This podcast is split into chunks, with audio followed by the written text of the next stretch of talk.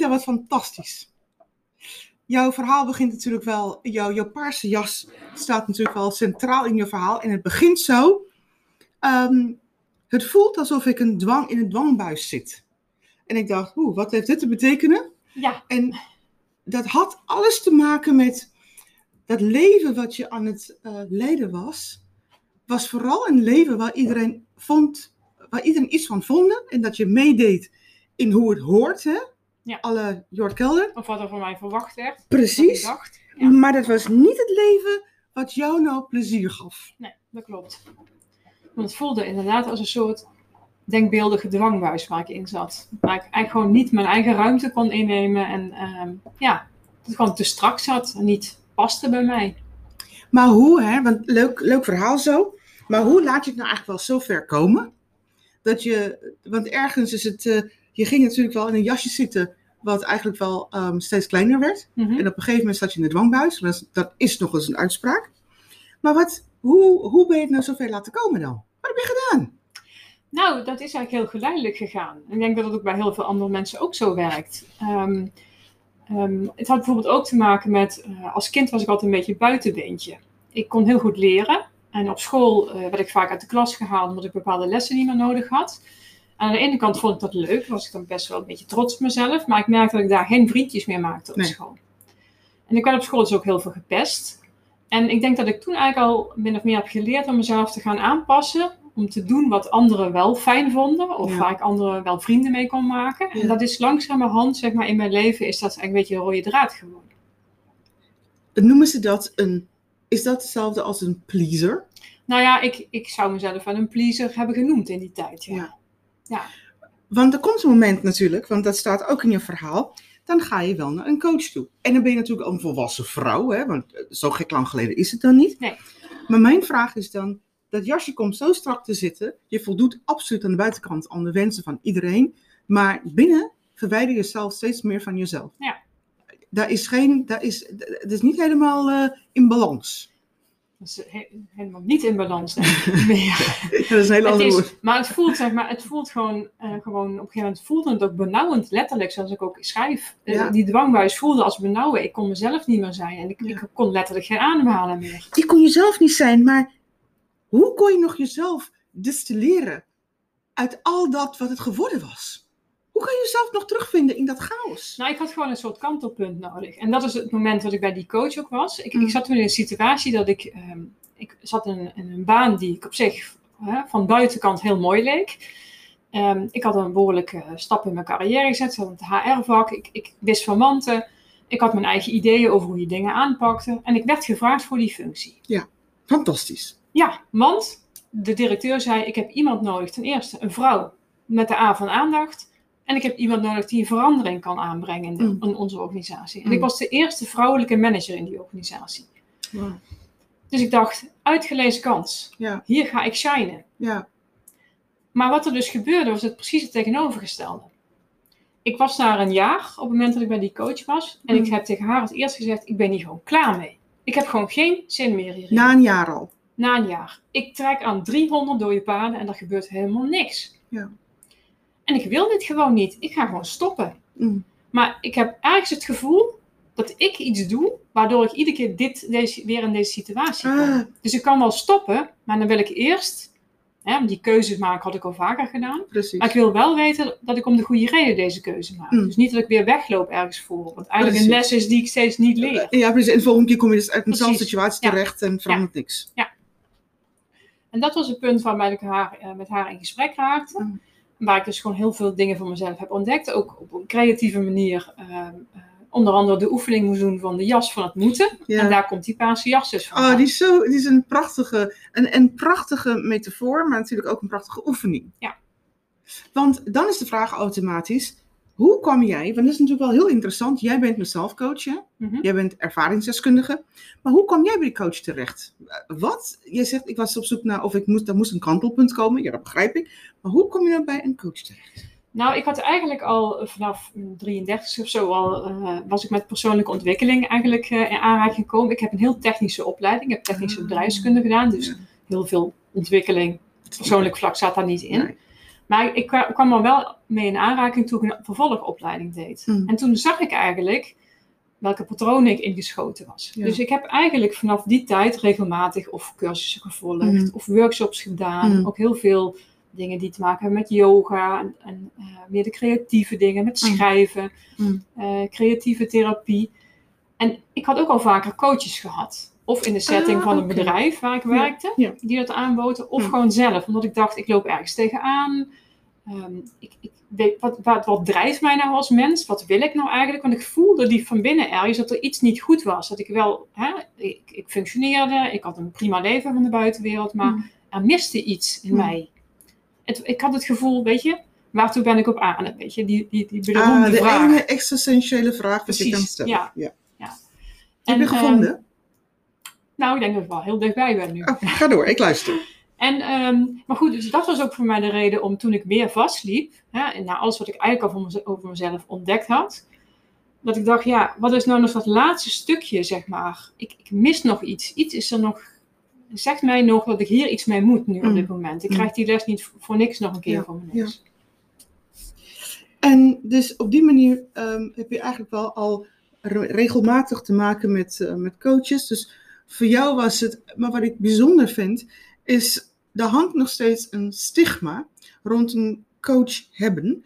Want dat betekent iets is niet goed. Dat, eh, dat speelt nog steeds een rol. Maar jij ging daar helemaal dwars doorheen. Voor Nou, jou ik, was het, ik, ik, denk wilde dat- iets ik ontdekken. denk uit anders. Ik denk, er kan nog iets beter. Of er kan nog iets anders. Hmm. Want het voelt, het voelt niet goed. En ik ben dan wel geneigd om naar mezelf te kijken en te denken, wat kan ik veranderen? Want de buitenwereld verander ik niet. Nee. Ik kan alleen mezelf iets doen. Hoe ik Precies. ermee omga, hoe ik Ja. er naar kijk. En ehm, ja, dat, daar helpt het als je iemand hebt die je gewoon even een spiegel voorhoudt. Precies. En dat is wat een coach eigenlijk gewoon doet. Ja. Je kan het ook met een goede, met een goede vriendin. Hè? Als dat toevallig zo werkt. Maar het is wel, het is wel heel handig, hè? want eh, dat herken ik natuurlijk wel. Als je een, iemand hebt tegenover je die echt weet waar het om gaat. Mhm. Die ook dingen kunnen signaleren en identificeren. Ja. En dingen kunnen uitleggen en Ja. dingen kunnen teruggeven aan je. Ja. Maar nu ben jij natuurlijk al diegene geworden. Ja. Dat thema ehm, verwijderd zijn van jezelf is een groot thema. Wie ben ik Mhm. eigenlijk? Mhm. Wie ben ik? Wie ben ik in de essentie? Ja. Ehm, waarom is dat volgens jou een vraag wat zo ontzettend veel speelt in een wereld waar ehm, wij alles hebben wat wij wat we zo mogelijk zou kunnen? Aan spullen genoeg, aan eh, ehm, intrinsieke motivatie, aan eh, blootstelling, aan alles genoeg. En toch stellen wij ons de vraag: wie ben ik? Waarom is de identi- ehm, identiteitsvraag zo belangrijk? Nou, ik denk dat dat heeft met twee dingen volgens mij te maken. Ten eerste met dat je natuurlijk dat je juist in zo'n maatschappij zit waar je dus de luxe hebt om je daar druk om te maken. Hè? Kijk, als je aan het overleven bent, eh, heb je dit soort vragen ook allemaal niet. Dus dat is, eh, dat is één ding. Ja, klopt. Maar het andere is ook, is, omdat onze maatschappij zo is als die is, moeten we ook heel veel van onszelf. Ja. En van de maatschappij. Er wordt heel veel van ons verwacht. Ja. Er wordt heel veel van ons gevraagd. Ja. We moeten het allemaal druk druk hebben. eh. Sociale contacten. Ja. We hebben heel veel prikkels. Ja. Dus ik denk dat het ook gewoon bijna eh, ja, gewoon lastig is om bij jezelf te blijven. Omdat je zo vaak weggetrokken wordt. Ja. En dus ook niet meer kunt luisteren. Want je hebt eigenlijk geen, geen tijd en ruimte meer om naar jezelf te luisteren. Op het moment dat mensen hebben ontdekt wie ze zijn, hè, in alle drukte, want het is natuurlijk wel eh, heel fijn als je dan terugkomt tot de essentie van, ah, kijk eens, dit ben ik, dit vind ik leuk, oh, dat vind ik minder leuk. Hé, hey, kijk eens, ik ben eigenlijk, hè, ben ik nou creatief? Al dat soort kleine dingen, dan kom je toch wel ergens in de cirkel, eh, de tweede cirkel van, dit is, dat is zijn dingen die ik leuk vind. En dat is al een hele goede teken. Ja. Maar in dat drukke bestaan, waar de sociale verplichtingen zoveel zijn en de status belangrijk is, en als vrouw heb je een bepaalde rol. Het is ehm, moeder, vrouw, zorg, minnares, eh, lieve vrouw, sociale contacten, kok. eh, ehm, ook nog eens betrokken zijn bij, en liefst natuurlijk ook nog een vrijwilligersstukje hebben. Wat kost het niet een vrouw om te zeggen vaarwel? Ik ga nu eerst de liefde opzoeken voor nummer één. Dat ben ik zelf. Kunnen vrouwen dat goed? Nee, daar zijn ze gewoon heel slecht in, is mijn ervaring. Ik heb er zelf ook heel lang over gedaan om daar te komen. En het is een kwestie, denk ik, van ervaren. Door, door gewoon, dat iemand je gewoon helpt om gewoon een klein stapje te zetten. Ik noem het altijd, zet maar gewoon een geisha-stapje. Het hoeft niet heel groot te zijn, maar begin ergens en kijk wat die verandering voor effect heeft. op je omgeving, maar ook op jezelf. Ja. Want als je dan voelt dat je er inderdaad, eh, dat er helemaal niks spannends gebeurt, dat er helemaal niks, niks instort of dat er niemand doodgaat, bij wijze van spreken, dan eh, durf je de volgende keer misschien een iets groter stapje te zetten. Ja. Maar je merkt ook vaak, als je iets kleins doet, dan neem je maar vijf minuten voor jezelf op een dag. Om even gewoon rustig te zitten met een boek, eh, Ja. oortjes in en voor de rest niks.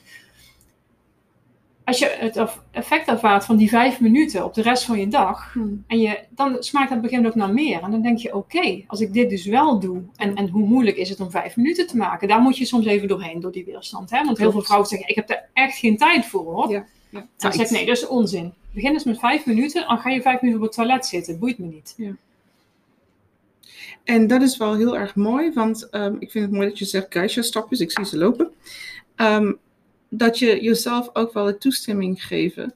Dat je ook, ehm, weet je, er wordt zoveel verwacht van je. Je wordt verwacht van je om te presteren. Je moet de sociale contacten. Je bent zo'n lijnmiddel tussen, tussen alles als je een relatie hebt of een gezin hebt. Mhm. Maar er zijn natuurlijk wel bepaalde dingen die belangrijk zijn, andere dingen die op je aangepraat is. Dat het zogenaamd van belangrijk is, het past bij jou, het hoort bij jou. En al die stempels en labels, die accepteer je. Ja, plus dat je ook nog een hele hoop dingen zijn voor de mensen in je omgeving heel gemakkelijk dat je het doet. Ja. Ik heb sinds eh, een aantal jaar een relatie en mijn partner heeft heel lang alleen gewoond. En hij vindt het ook heel makkelijk om het zich aan te laten leunen dat ik voor hem zorg en dingen voor hem doe. en het is mijn valkuil natuurlijk, Ja, hè? ja, ja, nog steeds, ook al ben ik me ervan bewust. Ja. Maar ehm, we kunnen er wel over praten. En dan zegt hij ook letterlijk van nou, ik vind het ook wel fijn als jij het doet. Dus ik blijf ook bewust even wat langer zitten. Ja. Nou, dan weet ik dus dat ik nog even iets langer moet blijven zitten dan hij. Dat hij uiteindelijk wel in beweging komt. En ik heb ook moeten leren in een relatie vooral, waar ik om die ander, hè, van die ander hou en, en heel veel voor hem over heb, dat ik ook gewoon mijn eigen plan moet blijven trekken. En dat ik ook gewoon eh, dus niet alles voor hem hoef te doen. Dat hij voor mij ook prima functioneerde. En als ik dat maar gewoon steeds in gedachten hou, dan Mm. kan ik het ook veel makkelijker loslaten. En dan hoef ik het ook niet allemaal te regelen. Nee. En wat ik zo leuk vond, is, eh, je vertelde natuurlijk wel al in ons interview op het werk, hè? Dan werkt het natuurlijk wel zo, ehm, je mag ook wel vaker zeggen wat je wilt. Je mag ook vaker jezelf laten gelden. Je mag ook vaker, ehm, zonder dat iemand je af gaat keuren, zeggen van, hé, hey, maar ik wil dingen anders. Want om jezelf de ruimte te geven, want je vertelde, je vader woonde in, Mhm. je vader woonde toen hij leefde in Maastricht en hij werd ziek en jij woonde helemaal in de Randstad. Ehm, maar het werd wel van jou verwacht. Ja, ik moest mijn eigen grenzen aangeven. Ja. Ik realiseerde me op een gegeven moment, ik was eigenlijk al een half jaar, was ik eigenlijk al aan het mantelzorgen op 200 kilometer afstand en een fulltime baan aan het doen, waar Ja. allerlei behoorlijk zware trajecten liepen, Ja. die eigenlijk mijn aandacht nodig hadden. Maar het ging niet. Ik had simpelweg niet voldoende tijd. Hm. En ehm, ik merkte dus dat eigenlijk, het, even oneerbiedig gezegd, niemand interesseerde hoe het met mij ging. Ja. Mijn vader wilde eigenlijk alleen maar dat ik er voor hem was. Ja. En mijn eh, werkgever wilde ik dat alles gewoon voor hem ook geregeld was. Ja. Ze moesten er vooral geen last van hebben. Ja, precies. En ik chargeer natuurlijk nu. Nou, ik denk Maar- dat je het wel heel goed zegt, want in essentie is dat het. Ja. Dus wat blijft er over, is dat ik de regie weer neem en dat ik zeg, oké, dit is mijn grens, want ik moet voor mezelf zorgen, want blijkbaar doet niemand anders dat. En dat is wat ik op een gegeven moment gaan doen. En voor mezelf zorgen was dus in dat geval om uit te spreken van jongens, ik wil extra vrij hebben. Want ik trek het anders niet. Ik heb gewoon geen energie meer. Ik kom in de weekenden nergens. Ik kom gewoon niet meer aan mijn rust toe. Ehm, ik, eh, ik wil bepaalde eh, werkzaamheden afstoten. Daar heb ik eigenlijk geen tijd eh, voor om dat nog te doen. Ik heb een aantal dingen waar ik me op wil focussen. Kunnen we iets bedenken om dat op te lossen? Nou, dat kan dus. Maar je moet het wel zelf aangeven. Want Ja. zolang jij niet die grens zelf aangeeft, Mhm. duwen mensen tegen die grens en gaan ze er ook overheen. Want zolang jij niet ho zegt, denken zij, oh, het kan nog wel. Ja, hou eens, ja nou, normaal gesproken zou hou stop moeten zijn, Ja. maar voor de meesten, dat is geen teken. De vrouw heeft het zwaarder gekregen in onze samenleving, want eh, als we kijken naar burn-outs tussen man en vrouw, leidt de vrouw daar enorm onder. De vrouw leidt ook onder feminisme. Mhm. de vrouw moet zoveel. Ze lijdt enorm. Ehm, als je kijkt naar waar haar, als je erg chargeert man-vrouw, niet, niet chargeert, als je kijkt naar waar haar talenten liggen. Haar talenten liggen toch wel ehm, bij de ander, wat, wat heel mooi is. Mhm. Mits ze dat ehm, ook wel ondersteunt en wilt natuurlijk. Ja. Maar dat, in die rol wordt ze natuurlijk wel heel snel geduwd. Ja, maar ik denk ook wat we een beetje kwijt zijn geraakt. Kijk, onze maatschappij is ook heel erg mannelijk ingericht. Maar ook heel erg uh, wordt er beloond als je mannelijke eigenschappen laat zien als vrouw. Hè? Want uh, ik ben van de generatie uh, een slimme meid is wat toekomst voorbereid. Die campagne van de overheid. We moesten allemaal gaan studeren, financieel onafhankelijk worden. En dat is eigenlijk waar het, het motto waar ik dus mee opgegroeid ben. Ja.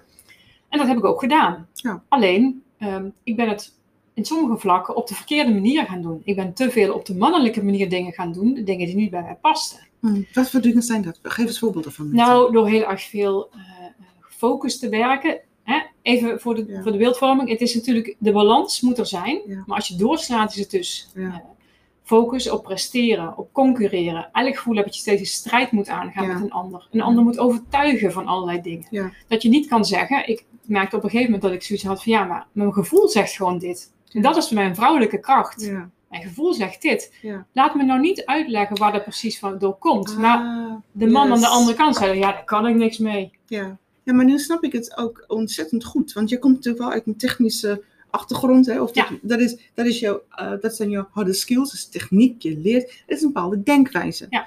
En dat geldt natuurlijk wel voor zoveel andere vrouwen. Bepaalde denkwijzen zijn ze Ja. aangeleerd.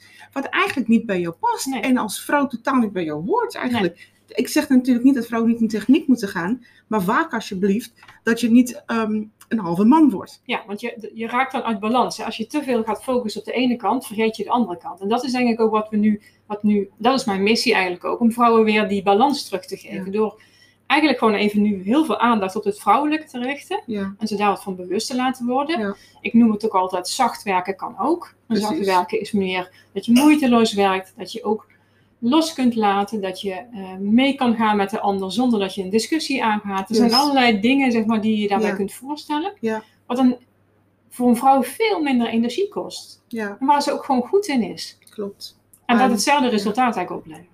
Ja, dat klopt. Ehm, alleen we zitten natuurlijk wel in een samenleving ehm, waar je zo, inderdaad, wat je al eerder zei, er is zoveel, ja, zoveel op dat moeten. Van wat, en er wordt alleen maar nog meer hè, van eh, wat van jou verwacht wordt. Want hoe, of het nou corona is, eh, Mhm. de vrouw werkt thuis, de man werkt thuis. En dan nog eh, weet ik natuurlijk wel uit alle geweldige onderzoeken, er komt steeds meer druk op de vrouw om dingen te moeten doen thuis. Dus zij Ja. dacht, ik, ben, ik werk, maar als je kijkt naar de balans thuis, dan ligt de balans veel meer bij de vrouw in de tijd van corona. Ja, dat is ook zeg maar zo'n overtuiging die we hè, mee hebben gekregen, maar wat ook eigenlijk een soort wetmatigheid inmiddels geworden is, een soort waarheid. Dat ook al heeft een vrouw een baan, haar carrière is altijd minder belangrijk dan die van haar man. Want zij moet toch altijd nog de zorgtaken op zich nemen. En zij is de eerste die thuis moet blijven als de kinderen ziek zijn. Dat is een beetje een soort, ja, een soort beeld wat, wat ook nog bestaat en waar we nog gewoon last van hebben, denk ik. Maar ik denk, het heeft natuurlijk ook te maken met vaak heeft de vrouw een baan. Maar goed, laten we niet gek doen. Ik geef heel veel lezingen over man-vrouw en hoe dat in elkaar steekt. Maar dan komt het natuurlijk wel heel, veel, heel vaak erop neer. Vrouwen selecteren bijzondere mannen op het moment dat zij verder willen. Want de man die je natuurlijk wel selecteert, want vrouwen maken altijd de keuze, is toch wel een man die ehm, bij jou moet passen.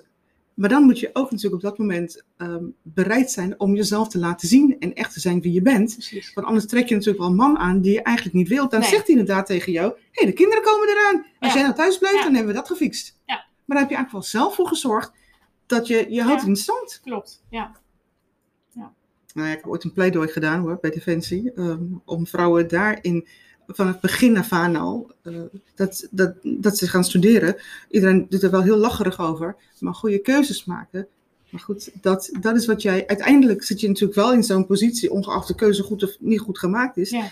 Zit je wel in een positie waar je denkt van, hoe moet dat nou als vrouw? Ja, maar ik denk dat het ook, dat het ook helpt als je gewoon bewust bent van dit feit alleen al. Yes. En dat je ehm, gewoon ehm, daar wat meer op kunt letten. Want kijk, als je je bewust wordt van dingen, kun je ook een andere keuze maken. Ja. En dan kun je op het moment denken van, oké, ga ik daar wel of niet in mee? Kijk, ik doe Yes. ook wel eens iets op de mannelijke manier. Omdat ik eh, gewoon denk, dit is nu handig om nu Ja, zo op deze manier te gaan. Ja. Dat heb ik ook in mijn carrière vaak genoeg gedaan. Ja. En dat is ook prima, want ja, nogmaals, die balans, en je hebt allebei die kanten in je. Dus je mag ze ook inzetten. Je hebt ze ook nodig. Als ik geen mannelijke eh, energie of mannelijke kant in me zou hebben, zou ik ook niet het bedrijf niet op de, uit de, Ja. op de poten hebben kunnen zetten. Ja. Dus het is ook goed, maar het is alleen het doorgeslagen zijn. Dat is gewoon een kwestie van weer je bewust worden. En dus ook meer terugkomen bij wie je echt bent. En die vrouwelijke kant weer omarmen. Ja. Nou, ik vind het fantastisch, want je geeft mensen, vrouwen, vrouwen toestemming om zichzelf te zijn, om zichzelf te ontdekken. En dat ontdekkingstocht van wie ben ik, daar help je in mee. Klopt. Nou, Manita, ik vond het echt heel erg leuk. Zo staande een podcast met je opnemen. Ja, leuk hè? Ja, dat is echt, geeft je een hele ander gevoel. Ja, we Dank hebben een andere dynamiek. hè. Ja, dat is absoluut Ja, zo. Wel ja. zo'n eh, wel gevoel. Ja. Ik, ehm, ik dank jou enorm. Dank jou voor het delen, voor het gesprek. En gewoon om meer te ontdekken over wie jij bent en waarom dit voor jou Ja. zo belangrijk is. Ja. Ik dank jou. Jij ook bedankt.